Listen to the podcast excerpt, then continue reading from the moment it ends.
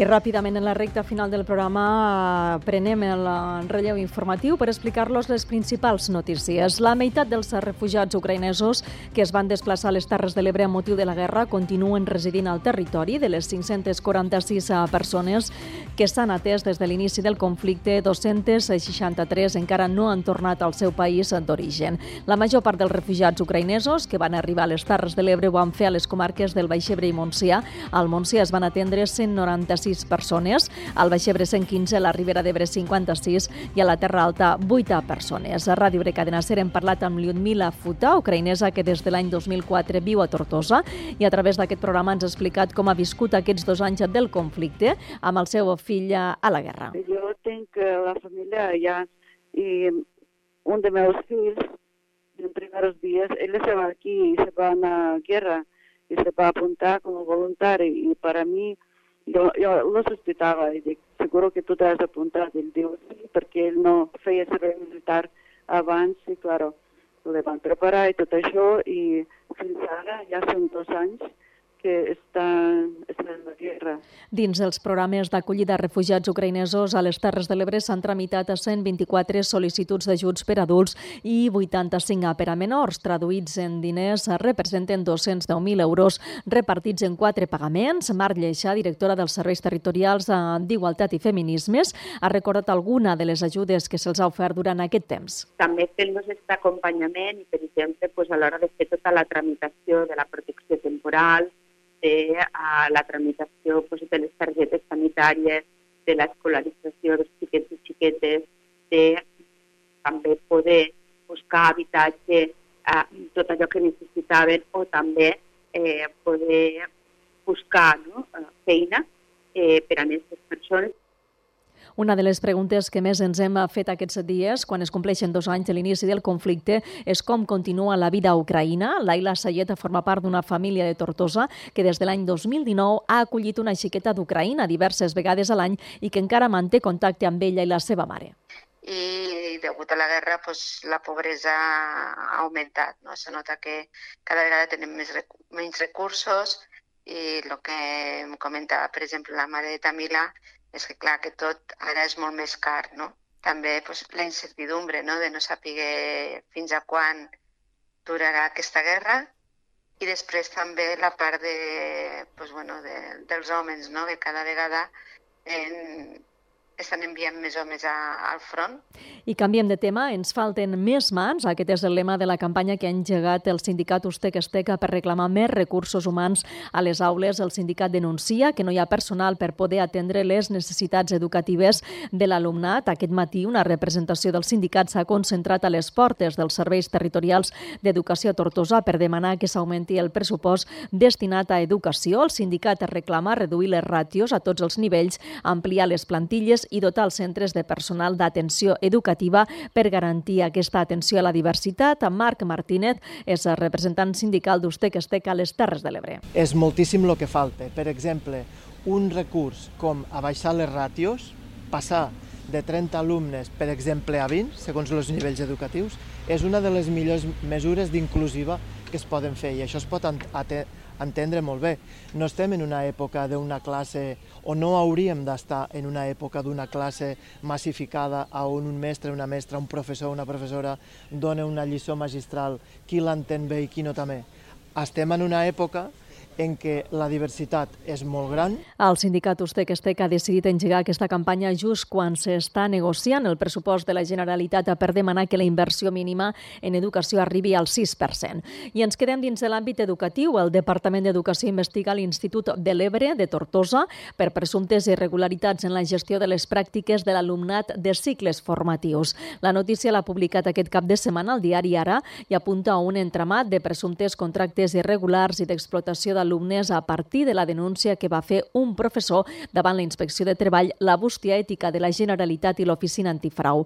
Aquestes presumptes irregularitats afectaven l'alumnat d'informàtica que en lloc de realitzar les pràctiques a l'empresa corresponent es quedaven a treballar a l'institut. A fons del Departament d'Educació han confirmat que es va obrir un expedient a l'institut el passat mes d'octubre i que s'està recollint informació per poder adoptar les mesures adequades. Hem de dir que la centre, l'Institut de l'Ebre tenia previst aquest matí una compareixença davant dels mitjans de comunicació que finalment ha estat anul·lada perquè, segons s'ha recordat, aquest expedient continua obert. La 1 i 55 minuts.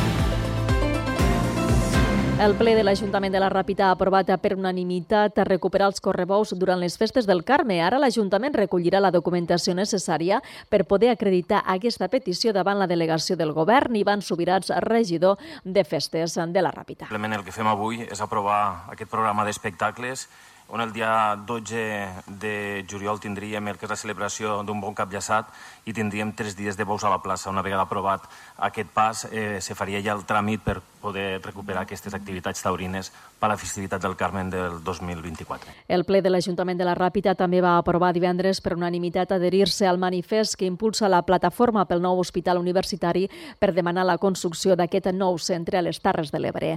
Per contra, el govern rapitenc va rebutjar la moció d'Esquerra Republicana en la qual es demanava fer un estudi per millorar els serveis de jardineria i espais verds i aconseguir un model més funcional i adaptat al canvi climàtic. El debat sobre aquesta proposta va tornar a escenificar que lluny de millorar les relacions entre el govern i Esquerra Republicana, aquestes continuen sent molt tenses. L'alcalde de la Ràpita, Xavier Reverter, va reiterar que el govern no aprovarà cap moció dels republicans. Escoltem una part del seu debat amb el regidor d'Esquerra Republicana, Miquel Alonso. Te'n dones compte que tot el que esteu demanant ara s'ha demanat fa vuit anys atràs i heu passat de tot. I vaig a demanar suport al meu grup per no aprovar i que vos quedi clar, no s'aprovarà cap moció que poguéssiu presentar. Soc una persona molt obstinada, molt, i continuaré presentant mocions del que, del que a mi em sembla. I totes en favor del poble. I picaré pedra, i pedra, i pedra, i pedra. I espero que mentre jo estigui en, picant pedra, vosaltres estiguéssiu fent la feina que vos toca. Mira, eh, ja pots picar tota la pedra. Jo no em crec que tu piquis ni així de pedra. Ni que, jo crec que no saps agafar ni un pic. Però això no l'has agafat tu mai, eh? I parlem ara d'economia. Els pescadors de la confraria de les cases d'Alcanar s'han afegit avui a la jornada de vaga, que han seguit també als ports de Tarragona, Torredembarra i Cambrils. Amb aquesta acció volen fer veure les dificultats concretes que afecten el sector de la pesca i afegir-se a les reivindicacions dels pagesos i ramaders. I precisament el Consell Comarcal del Baixebre ha aprovat per unanimitat una declaració institucional en suport a la pagesia. Ho va fer el passat divendres durant el ple ordinari del mes de febrer.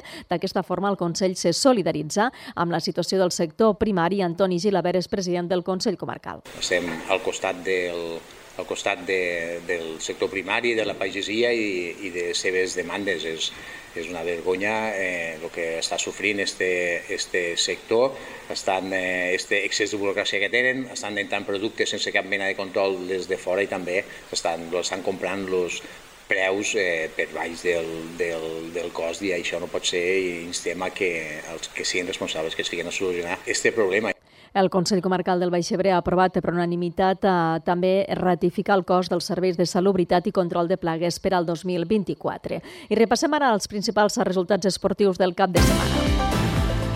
Destaquem uh, la victòria contundent i important de la Unió Esportiva Rapitenca, la tercera de federació, que ha guanyat una 5 al camp de la Fundació Esportiva Agrama i que deixa, per tant, de ser el cué de la classificació. A la primera catalana, també victòria del Tortosa Ebre, que es va imposar 2 a 1 a la Fundació Atlètic Vilafranca amb un gol que va arribar al minut 89. L'Escó, per la seva banda, ha perdut 0 a 1 al seu camp davant el Prat. En handbol, bones notícies. En handbol femení, l'Amposta ha guanyat 26 a 22 al Granollers Atlètic i es referma com a líder de la classificació classificació i en handbol masculí també victòria del Centre d'Esports Tortosa, que ha guanyat 32 a 28 al Cornellà B i suma la seva tercera victòria consecutiva. La victòria va coincidir amb la celebració de les 12 hores d'handbol memorial Joan Oviol Vall de Pérez i amb l'homenatge que el club va fer a Jordi Martorell Martó, el tercer jugador que més vegades ha vestit la samarreta del club i el màxim golejador de la seva història. El president del club Magí Marquès destacava l'aportació de Marto a l'handbol ebrenc.